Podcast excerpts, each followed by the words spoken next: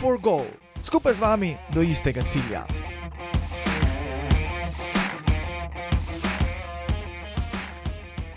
Spoštovane poslušalke, spoštovani poslušalci, športni in drugi navdušenci, dober dan in lepo pozdravljeni v tretji oddaji športnega podcasta Go for Goal. Danes se podajamo na vzhod Slovenije, podajamo se v Prekmurje, kjer bomo spoznali nogometaša, ki sedaj že vrsto let zaznamuje nogometno dogajanje v Prekmurju.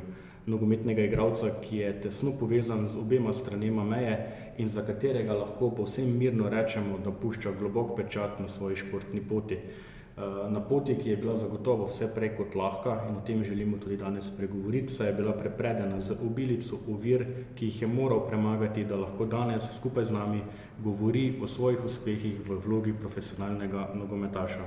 V svoji karieri, njegovi karieri, zdaj pa Euro, gol v Murski soboti. In na nogah so navijači, tukaj pa Luka Bobičanec kakšen gol Bobija. Torej, v moji družbi lepo pozdravljam Luko Bobičanca, napadalnega vezista nogometnega kluba oziroma nogometne šole Mura iz Murske sobote. Luka, pozdravljen, dober dan. Lep pozdrav. Tedaj tudi tebi lep pozdrav, tudi ti si danes z nami in skupaj bomo se podali na to pot predstavitve nogometne poti eh, nogometaša, igralca eh, Luke Bobičanca. Luka, najprej iskrena hvala, da si, si v tem natrpanem urniku, lahko povem, da ta podcast oddajo snemamo tik pred eh, zaključkom nogometne lige oziroma sezone, ki je že tako ali tako zgoščena. Tako da hvala, da si, si vzel čas za gostovanje v tem športnem podkastu. In če začnemo najprej pri tvoji športni poti, ti prihajaš iz enega malega hrvaškega kraja, tam si začel svojo nogometno pot, potem si se preselil v Avstrijo, v četrto ligo, uh, potem si prišel nazaj v Slovenijo, si igral v tretji ligi za nafto, potem si se spet malo vrnil na Hrvaško, spet v enega izmed nižjih ligašev in potem v drugo ligo Kmuri.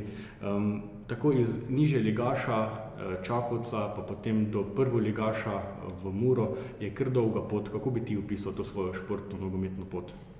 Ja, pot je bila izjemno težka. Ampak mislim, da če si dovolj motiviran, lahko prideš čez to vse skupaj. Tako da samo potrebna motivacija in stremeti k svojemu cilju. Uh -huh.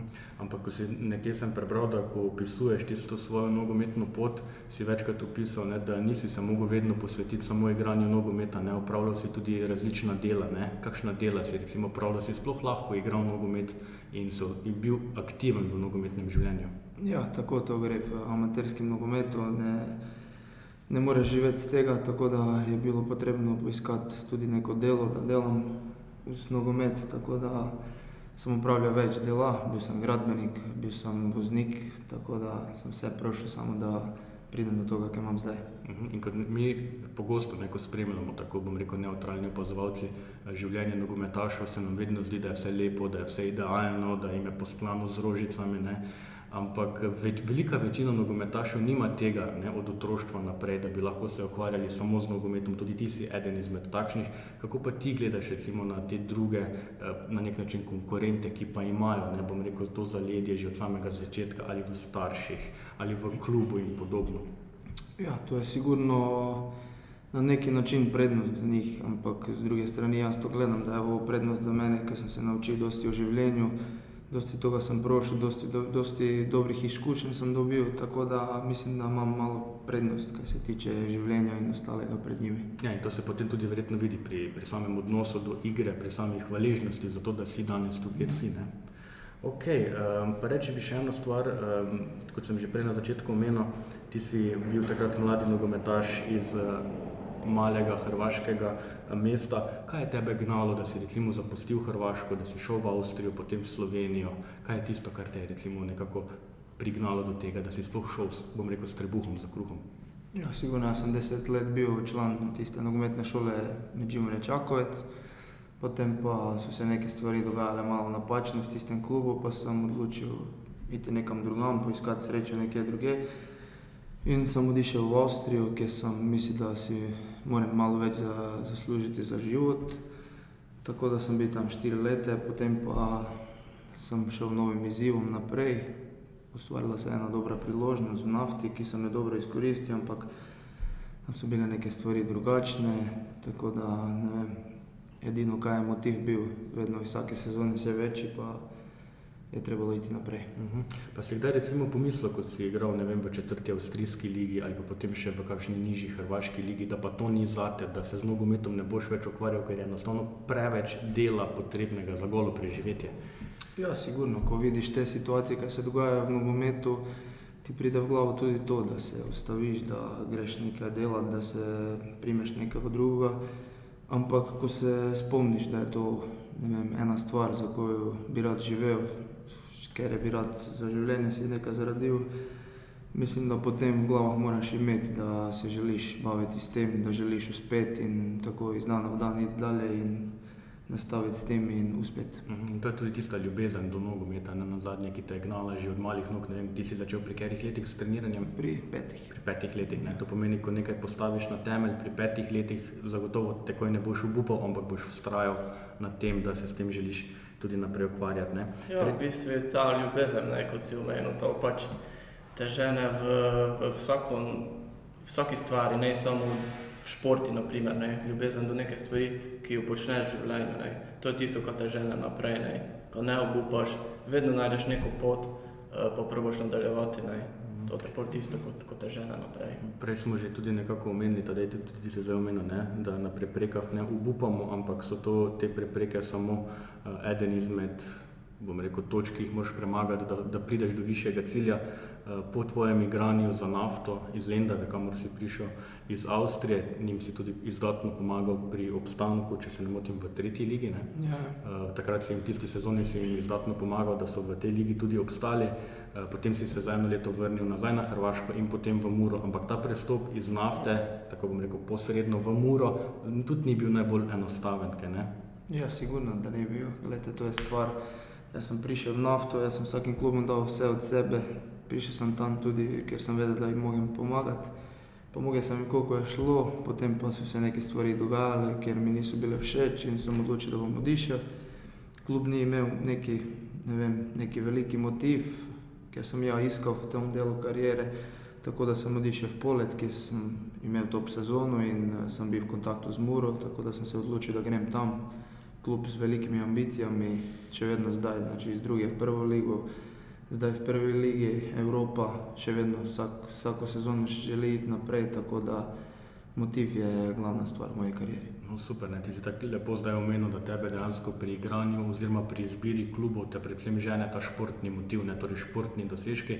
Ampak, kolikor se jaz spomnim, oziroma kolikor smo tudi lahko prebirali, eh, navijači nafte pa tega niso tako sprejeli. Ne? Je bilo kar nekaj razočaranja, če se ne motim, da si prestopil na nek način k največjim rivalom, torej iz nafte v Muro. Ne? Ja, sigurno, da je to problem. To se dogaja tudi v večjih klubah, ampak ljudje morajo biti svesni tega, da da to kroz življenje gre tako, da se ne more gledati z ene stvari, samo to treba pogledati z različitih vidikov in potem biti svesten, kaj je nekdo naredil, ne vem, ne jim zameriti za take stvari. Tako da jaz sem naredil nekaj, kar je najboljše za mene, gledal sem na sebe, ne na nekog drugog, kaj v življenju treba delati in odločil sem se na pomeni, ja mislim, da odlično potezo. Ja, ne, se pogosto pozabljamo, vsi mi, ki smo bolj, bom rekel, zunanji opazovalci nogometa, pozabljamo, da velika večina nogometašov eh, prestopi dela samo zato, da lahko dobro živi ali pa preživi in zelo solidno živi s tem, kar ima. Ne, ne gre se za to, za ne vem kako izdajo, kot so takrat tudi pisali in podobno pristaši eh, nafte, gre se enostavno za to, da, da imaš v določenem klubu boljše pogoje, boljše pogoje za razvoj in za ustvarjanje svojih ciljev. Ne. Ja, ampak pač eni klubi, oziroma klubi, uh, navijači, ljudje to ne razumejo, ne. predvsem tudi v prekmurju, ne, v našem prekmurju je pač full veliko rivalstvo med klubi, tudi Luka sam veš, uh, Purini navijači, naftini navijači, kaki, v kakšnem odnosu so do klubov.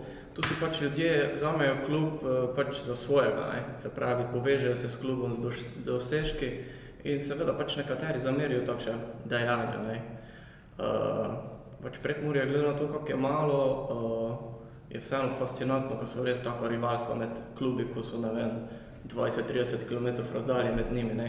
To je v bistvu na sredini, zdaj sicer so še Beltinci, ne, mm. ki, ki tudi imajo svojo, svojo zgodovino in tudi uh, to rivalstvo. Če bi se Beltinci pač nekoč prebili v prvo ligo, bi tudi bilo izjemno rivalstvo med nafto, Beltinci pa Muro. Ne? Tako da so na kupu kar trije taki klubi, ki imajo res eh, to zgodovino navijaško, pa rivalstvo. Ja, to je eno, dejansko eno izmed redkih območij v Sloveniji, kjer lahko našteješ na tako malem prostoru tak, takšne tri klube, ki so med sebojno, pa niti ne konkurenti, ne, ker niti ne igrajo vsi v istih ligah, ampak en ta pripadnost navijačev pa je izjemna. Ne. Ja, res je. Ja. Um, ampak, Luka, na eni izmed tekem, ko si že igral za Muro, ste igrali tudi proti nafti. Uh, takrat je tudi ti dosegel zadetek, in če se ne motim, kolikor sem lahko prebiral, najprej nisi imel namena tistega zadetka slaviti, potem pa si si premislil. Ne?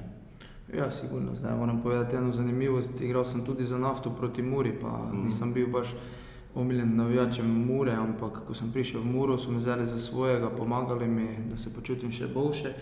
Potem pa je prišla ta tekma, to je bilo tako, da vem, ostal sem v dobrih stikih z uh, igralci v klubu, v nafti, tako da zadetka nisem hotel slaviti, ampak so se dogajale neke stvari na tribunah, uh, kjer mi niso bili všeč. Naprimer, moji roditelji so tudi bili na tekmi, pa se njima ni dopadlo. Ena situacija je bila tudi na polčasu, ko smo šli v Slačijono, tako da sem odločil, da bom bolj slavil, da bom sedel za svojo ekipo in da poskušam to tekmo zmagati kot vsako naprej. Uh -huh. Se tu se dejansko ne gre za nespoštovanje do samega kluba kot ustanove, ampak gre se za neko nestrinjanje z potezami, ki dejansko niso na, na, na ravni profesionalnega nogometa. Ne? Ja, tako je. Zdaj, po, lahko povem svoje strani, poštujem vsak klub, vsak klub ima svojo zgodovino, vsak klub dela za sebe in poskušava biti čim boljši, tako da za nespoštovanje to sigurno ni mesta v futbalu, tako da ne moremo reči, da to ni spoštovanje. Prej si že omenil uh, navijače, navezal si se tudi na naftne navijače. Če se pa zdaj obrnemo na tvoje navijače, današnje, torej na murine navijače, tu gre pa za eno posebno sinergijo, za eno posebno povezanost ne, med klubom in navijači. Ne. Če gledamo, zagotovo veljajo murini navijači, eni izmed najbolj zvestih v Sloveniji, tudi v nižjih ligah so večkrat znali eh, napolniti eh, stadion Fazanerija. Ne. Kako tebi, kot, kaj tebi kot igralcu recimo pomeni ta res izjemna podpora navijačev? Ne? Sigurno, da pomeni dosti, ko veš, da ko je klub bil v peti ligi, so navijači bili v klub, ko je bilo najtežje, ko vidiš, da zdaj pridejo v takem številu na tekme, da to je neverjetno. Tista, ko povemo tista akcija, mi smo mura, to ne vem, če more kdo narediti v Sloveniji, to je absolutno fascinantno.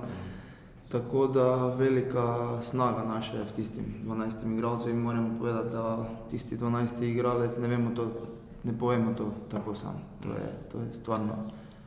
In tedaj, um, Luka je že lepo omenil, to je bila tista akcija letos, ko zaradi prepovedi eh, v času korona krize, ne, so navijači, mislim, da, da govorimo o isti akciji, glavnem ja. letos v času korona krize so navijači uh, Mure pokupili dejansko stopnice za tekmo, na kateri pa niso smeli biti. Ne. S tem so dejansko simbolično pokazali uh, svojo ljubezen do kluba, svojo podporo klubu in ne nazadnje tudi to, da so v časih, ko ne morajo biti ob ob klubu, pa dejansko z njimi.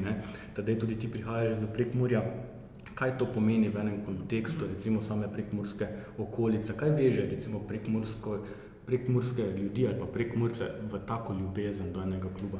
Tudi sam si že prej omenil, ne, te tri klube, vsak ima svoje navijače, pripadnost je ogromna. Ne. Pač jaz mislim, uh, ljudje pač živimo zdaj v teh trenutkih, v izjemno težkih časih, In uh, v bistvu, ko ljudje res nabijajo za klub, oziroma se čutijo pripadnega nekemu klubu, to je tisto eno veselje, veš, ko manjka v vsakodnevnem življenju. Saj veš, kak je ritem življenja in vse. In uh, to je tisto eno, kar ljudi dvigne ne, na nek način, ne. se znajdejo v neki slabi situaciji. Bolj pa, ko gledajo tekmo, ko navijajo za ta klub, uh, jih dvigne, imajo spet neko veselje do, ne vem, življenju ali kako koli. Uh, pa s klubom se povežejo, ne, z igralci, vse, vse tudi sam Luka ve, kako je, uh, koga ljudje srečujejo, pozdravljajo. Uh, tako da povej edino Luka, mm, ko si prej omenil, kako je pač pred temi gledalci igrati, ne, ko so dejansko 12 igralec, kako je pa zdaj v tem obdobju, ne, ko je korona, ko, ko so pač stadioni dejansko zaprti, ne, ko ni toliko ljudi na tekmah. Kako kak, kak je drugače? Energijo na stadionu. Ja, moram povedati, da je to dosti slaba stvar za nas, ker mi smo navajeni na poln stadion, na naše navijače, ampak ko vemo, ko gledimo tekme, da se oni vedno znajdejo, da so vedno z nami, da nam hočejo pomagati. Mi vemo, da so oni z nami, tako da pritisk je sigurno neki, ampak ko veš, da imaš take navijače, ti je lažje igrati. Ko se taka akcija desi, da vemo, da je 10.000 ljudi z nami, sigurno mora biti samo neki dodaten motiv za nas in da enostavno ne moremo hude tekme odigrati. Mm, Ja, ne se kakorkoli obrnemo. Nogomet se je igral in se bo vedno igral za navijače, ne, kar pomeni, da nogomet brez navijačev sam sebi namen in to nekega uh, smisla nima. Ne. Um, Luka, prej smo se jih pogovarjali, uh, ko si ti prišel v Muro, ste se že v prvi sezoni uvrstili iz druge v prvo ligo, potem ste v, prve, v prvem letu med to elito slovenskega nogometa se že uvrstili v kvalifikacije uh, lige Evropa. Um, letos ponovno ne, ste preko kot pokalni zmagovalci spet prišli v kvalifikacije za ligo Evropa. Lahko bi rekel, da v zadnjih letih se je zate dogajalo kar z bliskovito hitrostjo, ne, od enega, bom rekel, četrto ligaša na Hrvaškem ali pa še prej v Avstriji, pa sedaj do kvalifikacij za Ligo Evropa. Ja, sigurno, da tiste dve leti so bile malo turbulentne za mene. Kot za klub, mislim, da izjemna čast je bila igrati za Muro, izjemna čast je bila igrati Evropo. Mislim, da to, kar smo mi naredili, nihče ni pričakoval od nas. Znači, to je bilo izjemen uspeh za klub, nakon toga, kaj se je dogajalo. Tako da moram samo reči, da sem prestopil dosti stopnic v tisti tri leti, ko sem tu in uh, mislim, da povsem zasluženo, da sem si zaslužil s treniranjem, s trajanjem, vsem skupaj. Tako da mislim, da je to samo nagrada za to trdo delo. Mhm, Ko meniš to, to trdo delo, enkrat si tudi v enem intervjuju omenil, ne, da preko si prišel v Muro, nisi bil vseeno ne navajen takega tempa treniranja, odrekanja. Kaj je zdaj recimo najbolj drugače, kot je bilo v preteklih letih? Ja, dosti toga je drugače. Vedno, ko sem prej sem imel tri treninge tedno, zdaj pa imam 4 do 5 treningov, če ne več, dva, v pripravah tudi dva na dan. Tako da veliko sem se pogovarjal tudi z igralcem, tudi s trenerjem in so mi dali podporo, da jaz to morem, da si zaslužim in tako sem išel iz dana v dan, vsak trening po trening in moraš uspeti. Ja, in ti, če ne drugo, ne, pa imaš obilo enih uspehov, ampak danes si tudi dokaz tega, da ni vse talent, ne, ni vse želja, ne, tudi trdo delo ob vsem tem je enako pomembno. Ne samo menjaš količino treningov med pripravami, zdaj, tudi zdaj, ne, v zadnjem času, ko, ko ste imeli dve tekmi na teden, ne, nam gledalcem se to zdi, ok, se zato ste plačani, ne, igrajte dvakrat na teden, to pa res ni nič takega, ne, ampak za športnika pa to ni tako enostavno. Ne. Ja, sigurno, da ni. To je, samo mi športniki morate vedeti, da živimo za to, da igramo čim več tekem, da to je idealen ritem za nas. Znači, ko toliko treniraš, moraš biti spreman na to, tako da tekme sobota, sreda nekaj najlepšega, kar se v nogometu more dogoditi. Tako da igraš tekmo, pa imaš regeneracijo, pa imaš en, dva treninga, pa spet imaš tekmo, to je enostavno to, zakaj živimo cel život. Mhm. In ko se zdaj nekako mi dva pogovarjamo o tej, oziroma mi pogovarjamo o tej tvoji športni poti, o, o odrekanju, o poti, ki si jo dal uh, skozi, veliko stvari se je že zgodilo, že danes smo veliko tega slišali. Bi ti kaj spremenil na tej svoji športni poti, kakšno odločitev, kakšen prestop mogoče? Pa mislim, da ne bi nikaj spremenil, ker sem se dosti naučil v življenju, moram tudi drugim povedati pomoč, če jih kdo kaj kak rabi, samo mislim, da ajde leto, dve, pa da bi se to še prej zgodilo, da bi imel še malo več, eh, ne vem, da sem malo mlajši prišel v to, da se dosti toga še naučim. Naučil sem se dosti, ampak samo da velim, dve, tri leta, da se to prej zgodilo. Mhm. In kot ko meniš dve, tri leta prej, ne, uh, marsikdo ob prestopu slovenskega ali pa tujega nogometaša v kakšnega izmed nižje ligašev, recimo v četrto avstrijsko ligo, na prvo potezo meniš, ah, to je korak nazaj, to je počasi pot k koncu, ne, pa ni tako, ne, ravno, ravno ti prestopi ti lahko, bom rekel, dajo eno pot za naprej, nek višjim ciljem. Ni to pot nazaj, če ti greš mogoče kako ligo nižje, kakšno sezono tam odigraš, pa potem greš stopničko više. Ne. Ja, to ni vedno tako. Jaz lahko tem ljudem rečem, ko, ko to govorijo, jaz sem naredil, pa mogoče po njihovim, en korak, naprej, en korak nazaj, pa sem potem naredil tri naprej. Ne. To je tisto, to, zakaj delamo. Treba, nekje je treba prevzeti rizik in uh, poskušati vse narediti, da uspeš v tome. Ja, to je bil ravno ta korak, ko si šel naprimer, z nafte nazaj na Hrvaško, ne, v četrto ligo, ko je enka po letu. Uh, tako si prav, ne, pač tisto je amaterski nogomet. Ne. Uh, je res bil korak nazaj, ampak pol si pa pač prestopil v Muro, ne, kjer si pač videl neko, uh, da delajo pač neko dobro zgodbo, ne, s katero si se tudi sam povezal. Ne. Ja, tako je. Tam je bilo, naprimer, s tem poletom, moram reči, da je bila ne vem, posloženo v klubu je bilo boljše kot v nafti. Ne Vem, jaz sem prišel tam, tam je tisti predsednik, ko je gospodin Noviščak in ostali, ki so v klubu sodelovali, en dober posel, ena dobra ekipa se je složila, osvojili smo ligo in uh, potem je samo, imel sem dosti samozavesti in potem je bilo lažje pristopiti k Muri. Mm, tako ne, veliko trenerjev si v svoji dosedanji poti že zamenjal, veliko različnih načinov razmišljanja, pristopov do treniranja in podobno. Kaj tebi pomeni, recimo, sam trener, pa trenerski uh, štab v klubu? Ne? Uh, vem, da si, kot sem rekel, že zamenjal kar nekaj klubov, torej tudi različne pristope, imaš izkušnje. Kakšne so razlike med posameznimi trenerji?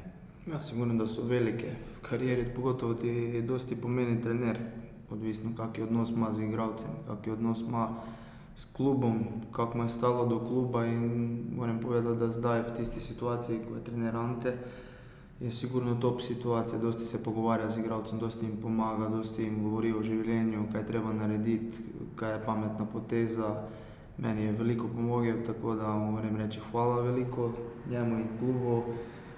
In to je to, znači, dosti pomeni v karieri. In kljub temu, ne, omenil si Anteja Šimunča, eh, sedanjega trenerja eh, Mure, on je vseeno tak nekako v javnosti znan kot precej strok in natančen trener, ki od, ki od vas zahteva zelo veliko, nekateri imamo celo občutek, da včasih celo preveč, pa ne v smislu, da v športnih dosežkov, ampak treniranja, treninga, tega je ogromno pri Muri, ne. Popu, popuščanja ni, ne. Ja, sigurno, da ni, samo moramo vedeti, da tiste stvari, ki smo naredili v teh dveh letih, je. Zaradi tega. Znači, če hočeš biti uspešen, moraš trenirati, moraš se odricati, moraš, znači, to vse, kar smo nabrojili, tako da sigurno, da je to človek, ki ima dosti izkušenj in ve, kako treba delati. Ja, ne na zadnje ima tudi izkušnje in z Ligo prvakov, in z Evropsko ligo, in z uspehi Maribora in podobno, tako da zagotovo ve, eh, kako se tem stvarem streže.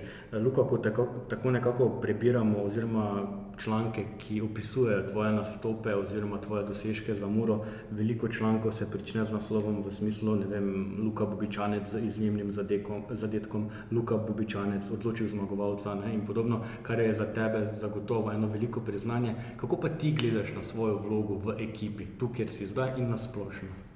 Ja, sigurno, da mi dosti pomeni to, kar se piše. To je, dobiš dosti samozavesti in potem lahko take stvari delaš. Ne vem, jaz sem tu zdaj tri leti, eni sem od nositeljev igre, z domače igralce sem že kot domači. Tako da veliko priznanje za mene in ne vem, enostavno dosti pomeni. Znači, počutim se kot doma, lažje mi je igrati, eh, ne vem, prevzamem neki rizik v igri, prevzamem odgovornost na sebe in poskušam pomoči ekipi. To, ko si povedal, ko se počutiš kot doma. Kako je pa, naprimer, oziroma kako bi primerjal to z avstrijsko ligo, naprimer, ne? se pravi, ker tam si itak vseeno tujec. Ne? Kako bi primerjal to, to vlogo tujca v avstrijski ligi, naprimer? dobro, pol si bil tako na Hrvaškem, itak tam si tako domače, eh, pa tudi v slovenski ligi. Ne? Pa dosti različno, ja, pogotovo kar se tiče in jezika in ostalega. Če tam, če ne veš jezik, enostavno denejo te sa strane. Ko pa veš, si tudi kot domači, ampak ne bom rekel kot tu, ker tu smo in jaz sem tu blizu doma in sigurno, da smo slični ljudje, tam je malo drugačni mentalitet, tako da velika je razlika, tam moraš dosti več dati, tu isto moraš dati dosti, ampak ne vem, bržete ljudi zemljo za svojega. Tudi tako je, ne, zdaj, naprimer, igralci, čim bolj ste povezani, tem boljša igra, ne, tem boljša igra steče. Ne. Ja, sigurno moraš imeti to eno, ne vem kako bi to nazval. Moramo biti kompaktni, kot na igrišču, tako v slačilnici. Ena kemija, ne? Ja, kemijo treba imeti. Točno tako, znači treba biti povezan z igralcem, ker ga ti najbolje poznaš, veš kako lopto mu moraš dati, veš kako se obnaša, veš kdaj je umran, kdaj ni. Tako da Ja, ker zelo, zelo poredko, ne, pa praktično nikoli se ne zgodi, da bi lahko e- ena ekipa slonila samo na enem igralcu, kar pomeni, kot samo menjaš, kot je tudi ti Tadej omenil, to mora biti en skupek enih, eh, bom rekel, do, ljudi, ki se med sabo zaupajo in dobro poznajo na terenu in izven terena. Ja, Ja. to se pol odraža ne, v samih eh, dosežkih ne, samega sigurno. kluba. Potem pa en posameznik izide vedno ven, to je normalno. Samo ekipa je ta, ki, ki ga naredi takega. Pa ekipa je tista, ki na koncu zmaguje in pobere je, ja. uspeh kot celota. Ne. Um, kot smo že prej omenili, uh, iz četrto ligaša v Avstriji do uh, ponovno do kvalifikacije za Evropsko uh, ligo, ti danes s svojimi igrami dokazuješ, uh, da boš počasi najverjetneje, če bo šlo po tej poti naprej, prerastel tudi okolje Murske sobote, okolje Mure. Kakšni so tvoji cilji za naprej? Ja, sigurno, da je cilj in motiv narediti korak naprej. To je vedno pri vsakom igralcu mora biti tako. Mislim, tu sem srečen, tu mi je lepo, imamo dosti dobre rezultate, dosti se poznamo, tu sem, kot smo omenili, sem že kot doma, ampak treba vedno iskati neki korak naprej. Zdaj, da bo to tiste sezone, da bo to naslednje sezone, to ni odvisno od mene, to je odvisno od uh, okoline in vsega ostalega, tako da treba naprej delati, potem pa vse ostalo pride. Tako nekako, ko razberem iz tvojih odgovorov, se ne obremenjuješ s tem, ne, da bi to moglo biti že letos ali pa naslednje leto. Enostavno greš, ko bo čas prinesel, da je pravi trenutek, boš pa to verjetno zgrabil. Ne. Ja, sigurno. Ko povem, imel sem in ponudbe in vse ostalo sem imel, tako da nisem odišel. Čutil sem se, da ni vreme za to, pogovarjal sem se tudi s trenerjem, on mi je dal nekaj na svet, tako da ko bo prišel čas za to, bom skupaj s klubom odločil in potem bomo videli, kako bo. Ko ravno govoriš o odločitvah, je pa mogoče v tej svoji športni poti, če bi recimo vedel, kaj vse boš mogel dati skozi, ne? od vseh teh prestopov v Avstrijo, v nižje ligaša, do povratka nazaj na Hrvaško, dobro, zdaj si pri Muri, ker ste uspešni, bi se še enkrat podal na vso to pot, na pot, ki je bila kar polna odrekanja pa žrtev, da si lahko prišel do tu, kjer si. Bi še enkrat dal to vse skozi, če bi, bi se. Sigurno, da bi, to je, mislim, kot smo dejali, dosti se naučiš o življenju, lahko si primer nekome, lahko se nekdo nauči nekaj iz tega, lahko nekom pomagaš, tako da ne bi ni, nikoli nikaj menjal. Tako da, dosti prijateljev sem stekel in tu in doma in v Avstriji, tako da iz vsega nekaj pobereš. Si prišel do, ne vem, do točke, uh, ne vem, ko si si rekel, pač ne ne bom več igral na tako pač profesionalni ravni, ne? celo takrat, ko si igral v nižjih ligah? Uh, ko bi pač nogomet pustil ta, ali nikoli nisi prišel do te neke prepreke. Ne?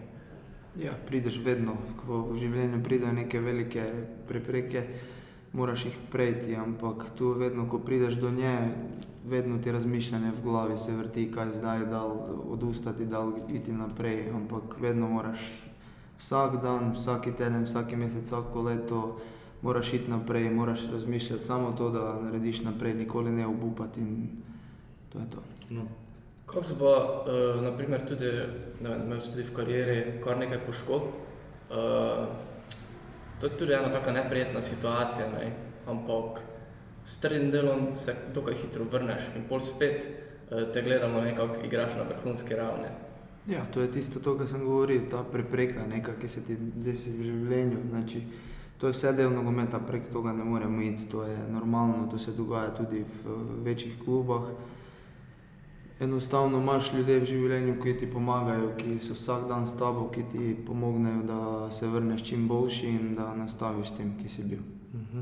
Eh, Prej si omenil, ne, da če lahko za svojim vzorom odrekanja in podobno komu pomagaš, da je tudi to za tebe eden izmed eh, ciljev. Eh, Prebiramo tudi lahko, da si letos, mislim, da si letos februarja tudi podprl enega izmed dvoranskih prvenstev v nogometu v Medžimurju, od tam, odkot tudi ti eh, prihajaš. Kaj za te recimo pomeni to, da lahko na tak način pa vsaj delček vrneš skupnosti, ki ti je postavila neke temelje za uspeh, ki ga pač žanješ danes? Ja, pomeni mi dosti v moji karieri, ker vem, kako sem prišel do tega, kako je ljudima težko. Spoznal sem dosti takih situacij, tako da vedno bom pomagal. Znači, če bo kakšna priložnost, ne vem, na kakorkoli način bom pomagal in uh, lepo mi je to narediti. Vem, da ljudje to potrebujejo, da jim je lepo, ko jim pomagam. Mm, Super, ja, in ravno to, je, to, to, ravno to je eden izmed namenov tega športnega podcasta, da pomagamo eh, tudi otrokom, ki se po celotni Sloveniji živijo pod pragom tveganja revščine in zato vas povabim, drage poslušalke, drage poslušalci, da obiščete našo spletno stran goforgol.net in tam pod zavihkom podcasti imate navedene načine, kako lahko tudi vi pomagate in donirate v sklad za razvoj talentov pri Zvezi prijateljev mladine Ljubljana, Moste, Polje. Eh, tam pa bodo ta sredstva res namenili za tiste mlade športnike, ki si vsakodnevnih aktivnosti, treningov ne morejo privoščiti, res prijazno povabljeni, da skupaj oblikujemo to eno eh, dobro delo, ki ga je tudi Luka že omenil in ki mu tudi on daje eh, veliko pomena. Luka, ne na zadnje pa, da se vrnemo tudi, nas je nekako povezala športna pot podjetja Go for Goal oziroma Go for Goal športnih nogavic. Še pred kratkim, oziroma nedolgo nazaj, se ni toliko govorilo o tem, da so tudi športne nogavice pomembne pri aktivnostih, pri treniranju, Eh, pri doseganju ciljev profesionalnih športnikov. Najprej mi povej, kako si ti sploh naletel na te nogavice, oziroma kaj za, za te pomeni kvalitetna športna obutev, vključno z nogavicami. Ja, sigurno, da pomeni, da vsi, ki se ukvarjajo z eh, nekim športom, vejo, da je to ena od bitnejših stavk in bi rad povedal, da je vsaka čast na tome, da je dobil tako idejo, da se je dal v to. In uh, kdo igra nogomet, naprimer, ve, da niso stvari vedno, kot bi morale biti, tako tudi nogavice. In, uh, ko lahko povem, tiste nogavice so, ker sem se prek kolege s njim upoznal in uh, prišel v to malo pogledal, kakšne stvari izprobal in moram reči, da sem prezadovoljen. In, če morem, bi rad priporočil vsem, da koristijo, da probajo, potem pa bodo vedeli, kakšne stvari. Ja, tako je. Pač, hvala najprej. Ne? Uh, ja, pač ko športniki enkrat obujejo, pravijo, da vidijo res isto razliko med uh, nogavicami, ki jih običajno uporabljajo, uh, in temi. Ja. Uh, ja, tebi je tako, uh, Amadej, uh, moraš uh, predstaviti nekakšne nogavice, ne? ker on je tudi v bistvu sodeloval v fazi testiranja prototipov, bil izjemno zadovoljen z njimi, zdaj jih pa tudi redno uporablja, pa tudi uh, nekaj tvojih soigralcev. Ja. Tako, ja, pač bile so pa dizajnirane ravno za, za vas, ko, ko prestajate velike obremenitve oziroma imate dvakrat na dan treninge. In seveda, stopalo so ključen dejavnik ne, pri neki športni aktivnosti, ker stopalo nosi celo telo. Ne. Ja, tako je. Tako da, poleg eh, dobre kvalitetne obutve oziroma kopačk, je nogavica tista, ki je prva v stiku s kožo in nekako povezuje stopalo z kopačko. Ne. Tako res uh, smo se poglobili v sam razvoj, pa uh, naredili res nogavico, ki bo ustrezala uh, vsem športnikom. Ne. Tako je, ja. in vsi tisti, ki vas to mogoče zanima, kako te nogavice delujejo v praksi, pogledajte si kakšno tekmo uh, nogometnega kluba Mura, kjer zelo uspešno nastopa naš današnji sogovornik, kjer uspešno nastopajo tudi drugi uporabniki športnih nogavic Go for Goal in videli boste, da dejansko ne govorimo v prazno, ampak imajo te nogavice taki potencijal pomoči nogometašem pri doseganju uh, njihovih ciljev. Ne na zadnje, pogledajte si vrhunce teke Mure in videli boste, kakšne gole dosega tudi naš današnji sogovornik uh, Luka Bobičanec. Uh, Luka, če bi tako za konec našega pogovora želel nekaj sporočiti tem našim poslušalcem ali pa tistim, ki se šele podajajo na športno pot, kaj je tisto, kar bi jim ti recimo dal kakšen svet za pot in podobno? Ja, jaz bi jim rad povedal, da probajo znači, ne obupati od svojih sanjih, ki jih imajo, in da vsak dan grejo naprej, da vsak dan trenirajo še bolj in bolj, da nikoli ne povejo, dosti je, nego da vsak dan grejo še bolj naprej. Super, ja, da je mogoče še ti. Ja, pač pomembno je tisti cilj, ki si ga postaviš, ne? pol pa samo uh, pač storiš vse, ko ta cilj dosežeš. Jaz pravim, pač, če si ti zadaš neki cilj, boš storil vse. Eh, z garanjem, seveda, z odrekanjem, boš storil vse, da ta cilj tudi dosežeš. Ne? Tako je. Evo, prišli smo do konca tega našega zelo prijetnega pogovora. Tako da, eh, Luka, najprej še enkrat iskrena hvala, da si se odločil in sodeloval v tem pogovoru. Želimo ti veliko uspeha na tvoji nadaljni športni poti, kamorkoli te bo, pot, eh, te bo pot vodila. Tu v Prekmorju si zelo priljubljen, tako da veliko navijačev si želi, da bi te še vrsto let gledali v črno-belem dresu, ampak tvoji cilji zagotovo segajo še više, še dlje. tako da obilo uspeha tudi na tej poti. Eh, vsem vam, drage poslušalke, eh, dragi poslušalci, pa hvala za pozornost. Obiščite našo spletno stran, obiščite naša družbena omrežja, tako Facebook, Instagram, Twitter, kjer lahko naletite oziroma kjer lahko dobite ta pogovor. Povabimo vas še enkrat k donacijam na naši spletni strani. Uh, Tadej tudi tebi, hvala za en zelo prijeten pogovor. Se ponovno slišimo čez 14 dni in kot pravimo v Go for Goal, vedno sledite svojim ciljem. Točno tako. tako. Hvala, Luka, še enkrat, ki se je odzval našemu povabilu, pa temu podkastu, pa srečno tudi v nadaljevanju tvoje športne kariere. Hvala vam in hvala za vabilo. Go